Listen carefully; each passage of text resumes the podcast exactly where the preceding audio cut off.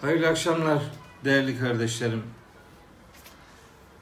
Bu akşam 23.süyle huzurlarınızda bulunduğum Kur'an'dan Hayata programlarımızın konusunu Kur'an ve çocuk yetiştirme şeklinde belirlemiştim. İşte bu belirlediğim konu başlığını size Kur'an-ı Kerim'den belli ayet-i kerimeleri hatırlatarak işlemeye gayret edeceğim inşallah. Başlangıç itibariyle e, hatırlatayım, beyan edeyim. E, bugün bu saat itibariyle Malatya'dayım. Malatya'da bir e, yetim çocukları giydirme programı vardı. O program vesilesiyle bulunuyorum. Malatya'da neredeyim deyince de zaten beni tanıyanlar bilirler. Benim burada bir hacı annem var. Hatice teyze diye hitap ediyorum. Onun evindeyim. Ee, onun evinden sizlere sesleniyorum.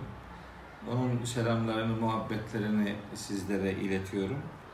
Ee, ben onu kendim, onun çocuğu kabul ettiğim için böyle Kur'an ve çocuk yetiştirme konu başlığını da doğru bir adresten sizinle paylaşmış oluyorum.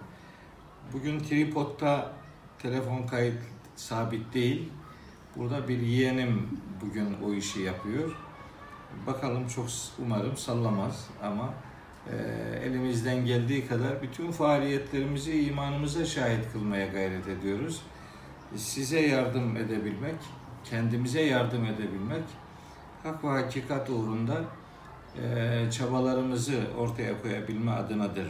Bütün yapıp ettiklerimiz Allahu Teala mahcup bırakmasın inşallah. Şimdi değerli kardeşlerim, çocuk yetiştirmenin önemi başlığını verdiğimize göre bu çocuk nedir, ne değildir? Ee, çocukların dünya hayatında neyi temsil ettiğini iyi bilmek lazım. Bir defa Keyif suresi 46. ayette Allahu Teala buyuruyor ki el mal vel benune zinetül hayatid dünya e, mal, servet ve çocuklar dünya hayatının süsüdür. Dolayısıyla evliliklerde e, en önemli beklenti çocuk üzerinden şekillenir.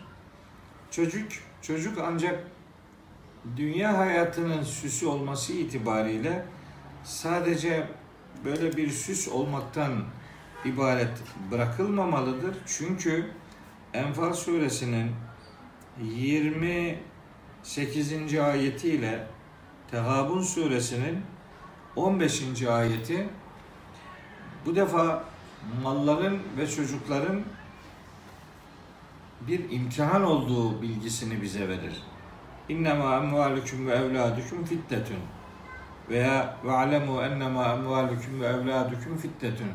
İyi bilin ki mallarınız ve çocuklarınız bir fitnedir. Fitne demek dün e, kısaca temas etmiştim. Böyle hep olumsuz içerikli düşünülür. Aslında fitne olumsuz içerikli bir kelime değildir. Fitne nihayetinde bir madeni çok sıcak bir e, ortama koyup cevheri cürufundan ayırt etme işlemine derler. Yani oradan hareketle fitne kelimesi bizim dilimizde daha çok imtihan olarak karşılanmalıdır. Çocuklar ve servet birer fitnedir demek, birer imtihan konusudur, soru başlığıdır demektir. O soru başlığına gereken hassasiyeti göstermek durumundayız. Soruları cevaplamak için sorular sorulurlar. Bizim de sorularımızdan bir tanesi çocuklarımızdır. Yani sadece dünya hayatının süsüdür deyip onları böyle süs pus e, yetiştirmek, büyütmek falan değil. Ya da onlara bakıp onlara sevgi akıtmaktan ibaret olamaz çocuklarla ilişkimiz, iletişimimiz. Onlar bizim soru başlıklarımızdır. Hem de en esaslı sorulardan bir tanesidir. Nihayetinde onlarla ilişkiyi o kadar hassas, o kadar dengeli e, belirlemeliyiz ki Münafıkun suresinin 9. ayetinde buyuruyor ki Yüce Allah Ya eyyühellezine amenu ey iman edenler La tulhikum emvalukum ve la evladukum an zikrillahi. Sakın ha mallarınız ve çocuklarınız sizi Allah'ı hatırlamaktan alıkoymasın. Her kim böyle bir alıkonmanın konusu olursa ve men yef'al zalik fe ulaike hasirun. İşte onlar zarara, ziyana uğrayanların ta kendileridirler. Öyle olunca ister istemez çoluk çocuğumuzla irtibatımızı, onlara olan sevgimizi belli bir çizgide, belli bir düzeyde tutma mecburiyetimizin bulunduğunu unutmamalıyız. Bir şey daha söylemek istiyorum. Tevbe suresinin o da 24. ayeti Allahu Teala bazı şeyleri sayıyor bu 24. ayette. E, diyor ki bakın babalarınız, çocuklarınız, kardeşleriniz, eşleriniz, yakınlarınız, kazandığınız mallar, yok olmasından korktuğunuz ticaret eşyası, içinde huzurlu huzurlu oturduğunuz meskenler, bütün bunları, bunların her birini veya hepsini eğer Allah'tan, onun elçisinden ve Allah yolunda fedakarlık etmekten daha çok seviyorsanız o zaman Allah'ın azabının gelmesini bekleyin.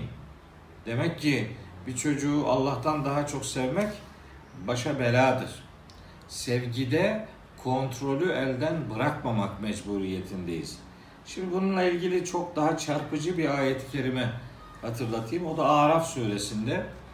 Araf suresinde her ana babanın bir beklentisi diye anlatılır. Bazıları bunu Hz. Adem ve eşi üzerinden yorumlar ama bu çok doğru bir yorum değildir. Çünkü burada uyarıya konu mesele eğer uyarıldığı gibi yerine getirilmezse şirke düşme tehlikesi var. Hz. Adem gibi bir peygamberin şirke düştüğünden filan elbette söz edilemez. Peki konu ne? Konu şu. Araf suresi 189, 190, 191. ayetler. 3 ayet. Buyuruyor ki Yüce Allah وَاَلَّذ۪ي خَلَقَكُمْ مِنْ نَفْسٍ وَاحِدَةٍ Allah sizi ilk candan yarattı. İlk can türünden yarattı. İlk canlı türünden yarattı bizi. Ve ceale minha zevceha her bizim her birimiz için bir eş takdir etti, yarattı. Liyesküne ileyha onunla huzur bulalım diye. Felemma tegaşşaha hamelet hamlen hafifen femerrat bih. Daha sonra eşler birlikte olduktan sonra işte böyle hafif bir yük taşır anne ve onu sırtlanır. Yani karnında onu taşır. Felemma eskalet. Hani hamilelik artık ağırlaşınca yani doğum vakti yaklaşınca Allah rabbehuma. Anne ve baba Rableri olan Allah'a dua ederler. Derler ki leyin ateytena salihan ya Rabbi sen eğer bize salih bir çocuk verirsen lenekûnenne mines şakirin. Buradaki salihten maksat şey sağlıklı yani.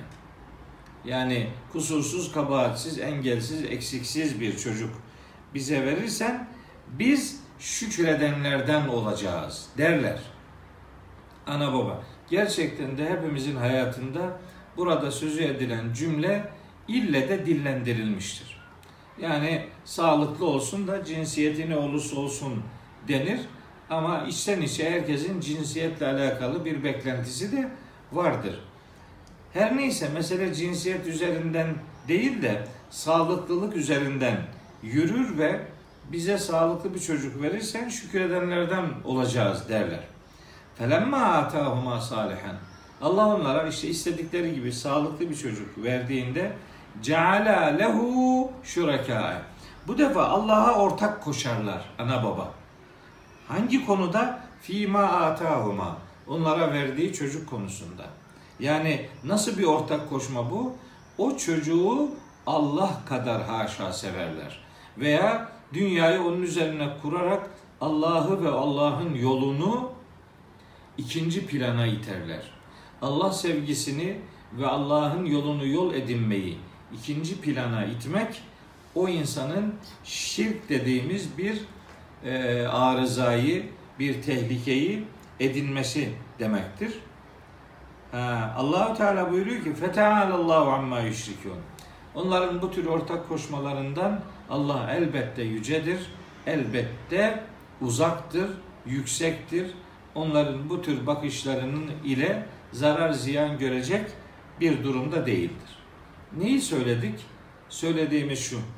Çoluk çocuk sahibi olma arzusuyla Allah'a olan niyazımızda bize sağlıklı bir çocuk ihsan eyle diye dua edip ondan sonra kalkıp da o çocuğun sevgisini Allah'ın sevgisinin önüne geçirirsek yahut da Allah'ın sevgisi kadar çoluk çocuğa sevgi beslersek bu sevgide şirki beraberinde getirir. Elbette çocuklarımızı seveceğiz. Elbette bunlar hayatın akışında bizim için çok değerli birer e, unsurdur. Elbette onlar hayatımızın imtihan başlıkları arasında yer almaktadır. Elbette onlar için fedakarlık tabii ki yapacağız ama bunların hepsinin bir çizgide tutulması lazım geldiğini unutmayacağız. Unutursak sevgide şirk gibi korkunç bir hatayı işlemiş oluruz ki bunun faturası çok ama çok ağır gelir. Şimdi e, çocuklarımız ve onların yetiştirilmesi konusu konuşulunca Kur'an'ın bize öğütlediği mutlaka bir tarafından irtibatlı olarak bakmamızı istediği bazı hatırlatmaları var. Bunlardan bir tanesi daha henüz çocuk yokken yani daha henüz hamilelik bile söz konusu değilken Allahu Teala bize nasıl bir çocuk istemek durumunda olduğumuzu Hazreti Zekeriya'nın örnekliğinde bildirir. Çok çarpıcı bir şey söyleyeceğim. Meryem suresi diye bir sure var Kur'an-ı Kerim'in 19. suresi. Bu surenin hemen başından yani ilk ayetlerinden itibaren e, şeye kadar 15. ayetine kadar Hazreti Zekeriya ile ilgili bir pasaj vardır.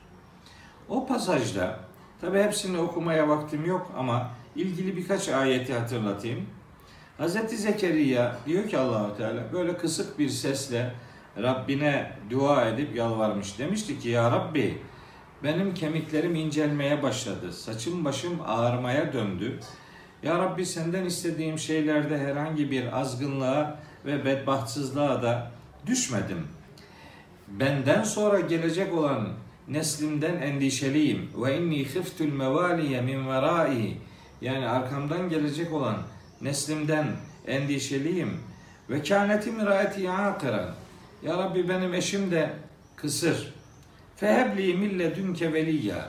Duygusal olarak Allahu Teala'dan çocuk ona vermesini istiyor. Ama çocuk isterken de bana katından bir çocuk ver demiyor. Fehebli mille dünke veliyya. Katından bana bir veli. Yani sana dost olabilecek bir çocuk ver diye dua ediyor. Demek ki sadece çocuk değil, çocuğun niteliği üzerinden bir talebimiz olması lazım.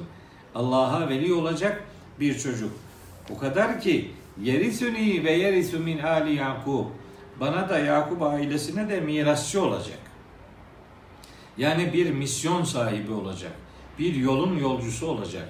Bir değerler sistemini kendi üzerinde taşıyacak. Bir bir ağırlık kaldırabilecek e, metanette, donanımda, duyarlılıkta olsun istiyor. Ve sonunda diyor ki vec'alhu rabbi radiyya. Ya Rabbi bana vereceğin çocuğu razı olacağın bir bir insan eyle. Bakın çocuk demiyor henüz. Efendim böyle sağlıklı veya şu cinsten şu cinsiyetten olsun filan demiyor. Ne diyor? Bir, sana dost olacak biri olsun. İki, peygamberler ailesinin misyonunu, yolunu yol edinsin. Üç, ve senin razı olduğun biri olsun. Ee, bu Hz. Zekeriya'nın bu duası Ali İmran suresi 38. ayette de yer alır. Burada zürriyeten tayyibeten diye bir ifade kullanır. Hazreti Zekeriya. Ya Rabbi bana katından tayyibe yani son derece arı duru, tertemiz bir nesil, bir çocuk bana ihsan eyle diye nasıl bir çocuk istemek durumunda olduğumuzu öğretir. Hazreti Zekeriya'nın kıssasında Cenab-ı Hak.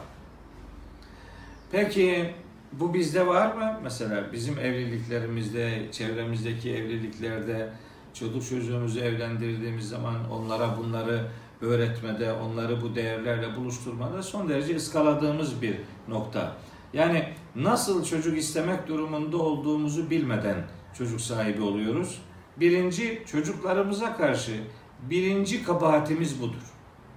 Onlardan hep saygı bekliyoruz. Onlardan hep terbiyeli davranmalarını, bize karşı görev ve sorumluluklarla yaşamalarını istiyoruz ama biz onlara karşı baştan gelen görevlerimizi yapmıyoruz. Yapmadık. Neydi birinci görevimiz? Onları duamızın konusu edinmek. Onları Allah'a kul olabilecek bir e, hayatın sahibi diye Rabbimizin lütfetmesi duasında bulunmak. Bunu yapmadık. Birinci görevi yapmadık. İki, hamilelik süresince çocuklarımıza karşı görevimiz var. Nedir bu? Buradaki en büyük görev çocuklarımızı Allah'ın yoluna adama görevidir. Daha henüz dünyaya gelmeden çocuğumuz annesinin karnındayken bunu bize İmran'ın hanımı üzerinden Allahu Teala öğretir. Nerede? Yine Ali İmran suresinin bu defa 35. ayetinde. Hazreti İsa'nın anne annesi. İmran'ın hanımı Hazreti Meryem'in annesi. Adı Kur'an'da geçmez fakat Hanne diye bilinir. Benden bazen çocuk ismi önerisinde e, bulunayım diye talepte bulunurlar. Ben çabuk çabuk öyle söylerim. Hanne. Hanne ismini çok seviyorum. Çünkü bu kadın sözleri ayetleşmiş bir kadındır. Bu kadın karnındaki çocuğun aslında neyi temsil etmesi lazım geldiğini bize öğreten adını tarihe altın harflerle kaydetmiş bir hanımdır. İşte onun bir sözünü aktarıyorum. Sözü çok fazla uzatmama adına. Ama şu kadarını söyleyeyim. Ali İmran suresinin 35. ayetini mutlaka bilin. İz gâlet imra'atu İmran'e Hani İmran'ın hanımı şöyle demişti. Ne demişti? Rabbi ey Rabbim inni nezertu leke ma fi batni muharraran. Ya Rabbi karnımdaki bu çocuğu tam bir hürriyet sembolü olarak sana senin yoluna adadım, adıyorum. Fetekabbel minni. Bu adamı benden kabul eyle. İnneke entes semiyul alim. Ya Rabbi sen her şeyi, her duayı hakkıyla işiten ve her şeyi hakkıyla bilensin. Ne öğrettik biz? Ne öğrendik bu ayetten? Annelerimizin, eşlerimizin karınlarında taşıdıkları çocukları anneleri onları Allah'ın yoluna adama bilincini, duyarlılığını elden bırakmayacaklar. İkinci görevimiz çocuklarımız ana rahmindeyken onları Allah'ın yoluna adama duamızdır. Peki bunu herhangi birimiz yaptık mı? Yapıyor muyuz? Hayır. Ne yapıyoruz biz? Bir çocuğumuz olsun, malımıza, mülkümüze varis olsun diyoruz. Oysa çocuğun neye varis olması lazım geldiğini Hazreti Zekeriya'dan öğrenmiştik. O değerlere, peygamberlerin temsil ettiği değerlere çocuğun varis olsun diye duada bulunmuştu. Biz ise mala mülke, ocağımız tütsün, evimiz şenlik olsun filan böyle cümleler söylüyoruz. Bunların Kur'an'dan karşılığı yok maalesef. Kur'an'da çocuğun neyi temsil edeceği işte bu kıssalarda bize öğretilir. Bu kıssalar öyle laf olsun diye anlatılmış kesitler değillerdir. Bunlar bizim hayatımıza ışık olsunlar, yol olsunlar, yordam öğretsinler diye Rabbimizin bize ihsanı ve ikramıdır. Çocuklarımıza karşı ikinci eğitim, ikinci görev onlara yönelik duamızla şekillenmiştir. Bunu ıskalamamak durumundayız. Çocuklarımıza karşı üçüncü en önemli görevimiz onların e, biyolojik varlıklarını şekillendirme sürecinde onları helal rızıklarla besleme görevidir. Yani anne rahminde bulunan çocuğun anneden aldığı besin onun için helaldir elbette ancak bir anne ona besin olacak olan sütünü, kanı da helal rızıklarla elde etmiş rızıklardan belirlemelidir. Yani çocukların beslendikleri, ana rahminde beslendikleri o sistemin içerisindeki biyolojik unsurların helal rızıklardan şekillendirilmiş olması çocuklarımıza karşı en önemli görevlerimizden bir tanesidir. Çocuklarımızın bizim üzerimizdeki haklarından biri de budur. Helal rızıklarla yetiştirilme, büyütülme. Bu daha rah rahimdeyken başlar, hayatları boyunca devam edecek bir görevdir. Çocuklarımızın bizim üzerimizdeki haklarından bir tanesidir. Bir diğer hakkı çocuklarımızın ya da bizim çocuklarımıza karşı onları doğru yetiştirme noktasındaki en önemli görevlerimizden biri onların hayat hakkına müdahil olmamamızdır. Çocukların en önemli bizim üzerimizdeki hakkı onların hayat hakkına müdahil olmamamızın bilincine varmamızdır. Ne demek istiyorum? Aslında sözü çok dolandırmaya gerek yok. Hamile kalan kadınlar çocuklarını ister kürtaj denen o cinayetle ister başka yollarla hamilelik oluştuktan sonra o hamileliği zedeleyecek, o hamileliğe herhangi bir şekilde son verebilecek her bir eylem çocuklarımıza karşı yapabileceğimiz en büyük kötülüktür.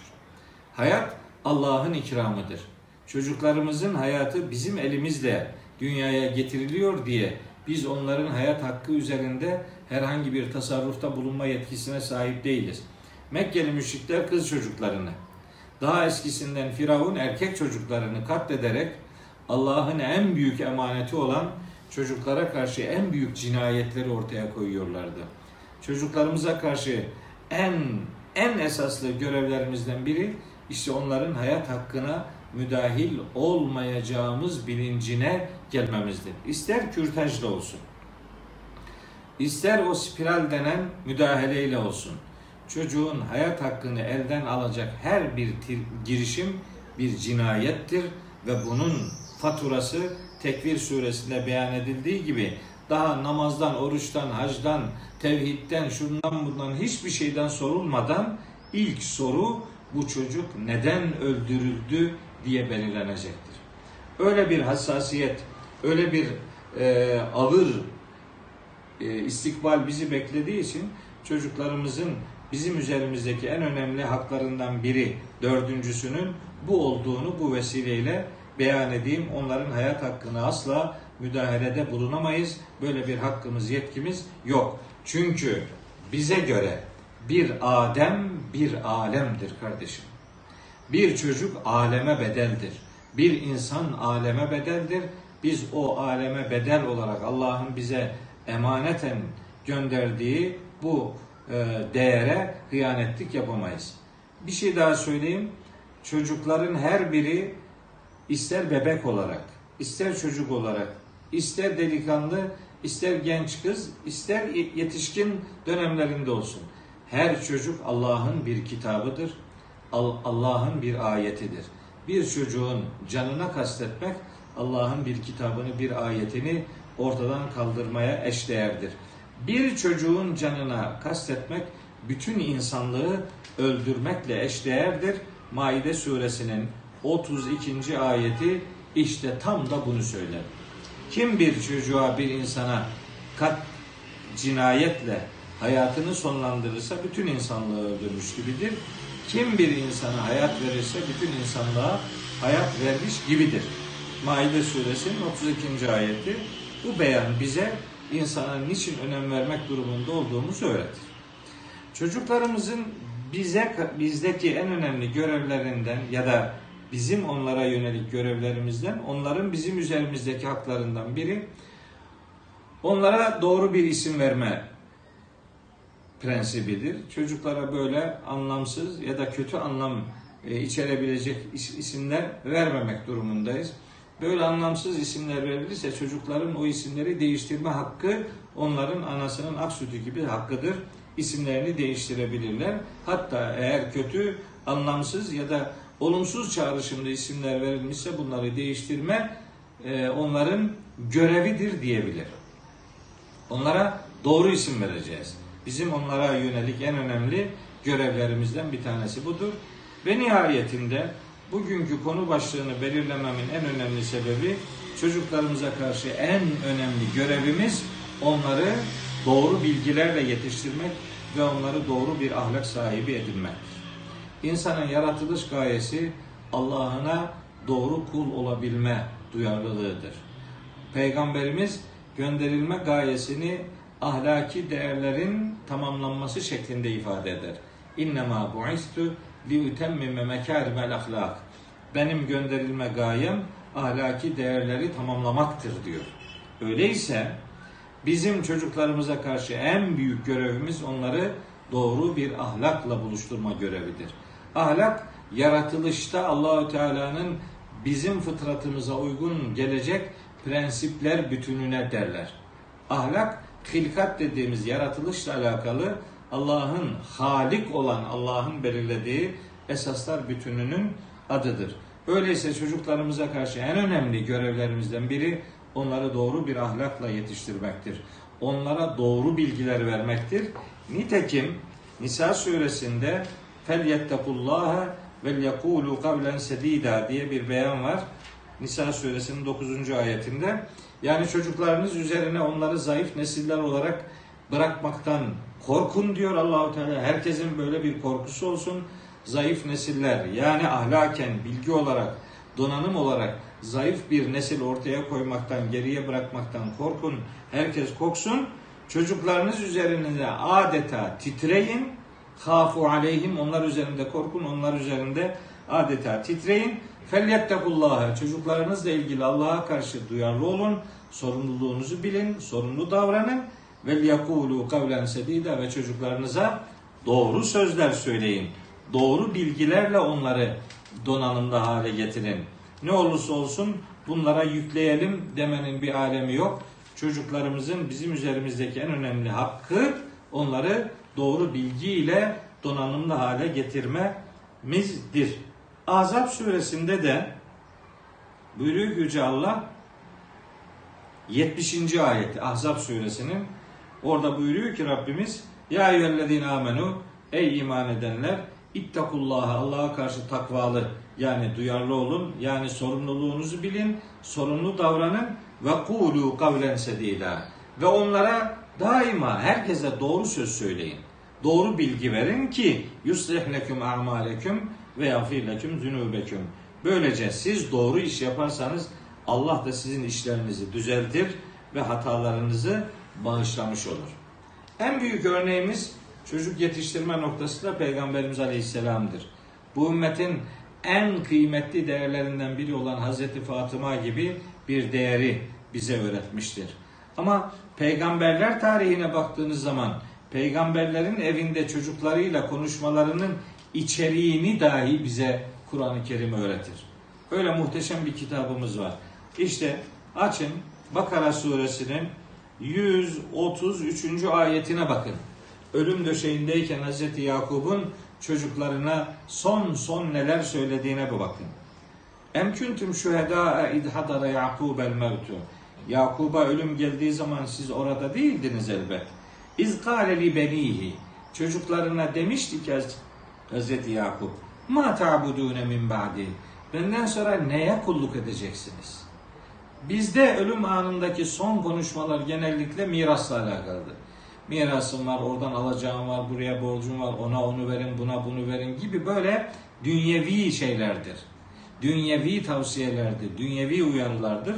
Oysa Hz. Yakup bize ölüm anında da yapılacak aile içi iletişimdeki konu başlığını siz neye kulluk edeceksiniz diye öğretmiştir. Öyle olunca e, bu kıssanın yani Bakara suresi 133. ayette Hz. Yakup'la ilgili o pasajın bize çocuklarımızla iletişimimiz noktasında konu başlığının tevhid yani Allah'a kulluk bilincinin kazandırılması olduğunu görüyoruz. Çocuk yetiştirmeyle alakalı çocuklarla iletişimimiz noktasını konuşurken hiç ıskalanmaması lazım gelen bir ayet grubunu daha size hatırlatıyor. Böylece bu akşamki konuşmayı sona erdirmek istiyorum. Çocuklar ve ana baba. Hazreti Lokman'ın çocuklarıyla çocuklarına oğluna nasihatleri var. Konu başlığımız Bir, Hazreti Lokman oğluna ne dedi? Dedi ki ve iz gâle Lukmanu libnihi ve huve ya'izuh Lokman oğluna öğüt vererek demişti ki ya bu neyye yavrucuğum la tüşrik billahi Allah'a ortak koşma. Bakın konu başlığı. Çocuğa tevhid öğretilecek, şirkten uzak durması sağlanacak. İki, ya buneyye inneha in tekü miskale habbetin min hardelin fetekün fi sahratin ev fis semavati ev fil ardı ye'ti bihallah. Allah bilincini, doğru bir Allah bilincini, Allah'ın hayata hakim olduğu gerçeğini çocuğa kavratmak gerekiyor. Ayette diyor ki Lokman suresinin önce okuduğum ayeti 13. ayetti. Şimdi 16. ayetini söylüyorum. Yaptığın bir davranış hardal tanesi kadar küçük bile olsa, kayaların içinde olsa, göklerde olsa, yerin derinliklerinde olsa Allah onu bulup getirir. Yani hayatı Allah bilinciyle yaşamak ve hiçbir şeyin Allah'a gizli kalmayacağını bilmek çocuğa bir bilinç konusu olarak aktarılmalıdır, öğretilmelidir. 3. Ya buneyye oğluna diyor ki yavrucuğum ekimiz salate namazı kıl. Bakın çocuklara verilecek en önemli eğitim konu başlıklarından biri ibadet bilincidir, namaz bilincidir. Ve emur bil ma'ruf yavrusuna vereceği e, kazandıracağı değerlerden biri iyiliği emretmesini sağlamak, kötülükten men etmesini sağlamak ve başına gelebilecek sıkıntılara karşı sabırlı durmasını ona öğretmektir. Çocuğumuzla iletişimimizde ona yet, onu yetiştirirken gözeteceğimiz esaslar bağlamında. Bir başkası ve la tusa'ir haddeke Sakın ha böbürlenerek, kibirlenerek, insanlara böyle boynunuzu, kafanızı yan çevirerek davranmayın. Hz. Lokman'ın nasihati bu. Ve la temşi fil ardı. Yeryüzünde yürürken de böbürlenmiş bir yürüme ile sakın ha bir tavrınız olmasın. Çünkü İsra suresinde diyor ki Allahu Teala yeryüzünde böbürlenerek yürüme. Ne böbürlenmekle yeri delebilirsin ne de boyun dağlara ulaşabilir. Yani mutedil bir yürüyüşün olsun. İsra suresinin 30 kaçıncı ayeti? 37. ayeti. Sonra Hazreti Lokman oğluna diyor ki Vaksit fi meşrike Yürüyüşünde mutedil ol Vagdud min savtike Konuşurken sesini de kısarak Yavaş konuş Bağıra çağıra Hakaret ederek Fırça atarak Dışlayarak Ötekileştirerek Bir konuşman olmasın. Eğer bunlar olmazsa Eğer bunlar tam yapılmazsa Can yakıcı bir başka örnek bize Hazreti Nuh ve oğlu üzerinden verilir. Hazreti Nuh'un oğlunu gemiye çağırmasında oğlunun verdiği olumsuz cevaplar doğru bir ahlaki eğitimi verme görevimizi bize hatırlatan önemli konu başlıkları arasında yer alır. Çok çaba sarf etseniz bile sonuçta Hz. Nuh'un oğlunun olumsuz cevap vermesi babasının görevini yapmadığından değil. O yetişkin belli yaşa geldikten sonra babasına karşı bir tavır içerisine girdi. Eğer göreviniz sapasağlam bir şekilde yerine getirilmez ise yahut da çoluk çocuk doğru bir eğitim almasına rağmen yanlış bir yola girerse nihayetinde babası peygamber bile olsa o çocuğu kurtaramayacağını asla ve asla unutmamalıdır. Bugün çocuklarından şikayet edenlere ben diyorum ki çocuklarımıza karşı altı tane görevim vardı. Yaptın mı bunların hiçbirini? Yapmadım. Görevini yapmayan adamın ekmeği yani ekme işlemini yapmadan emek vermeden yemek bekleme hakkı yoktur. Bugünkü sıkıntıların en önemli sebepleri çocuklarımızı doğru yetiştirememekten kaynaklıdır diye sözümü özetleyeyim. Böylece Malatya'dan e, Hatice teyzemin evinden sizlere Kur'an ve çocuk yetiştirme ile alakalı çocuk neyin nesidir, neyi temsil eder, ona karşı görevlerimiz nelerdir, çocuklarla iletişimimiz nasıl olmalıdır, onlarla diyalogumuzda konu başlıklarımızı Rabbimiz nasıl belirlemiştir diye sizlere hatırlatmaya da bulunmaya çalıştım. Allahu Teala çocuklarıyla imtihanını kazananlardan eylesin diyor. Hepinizi Hakk'a emanet ediyorum değerli kardeşlerim.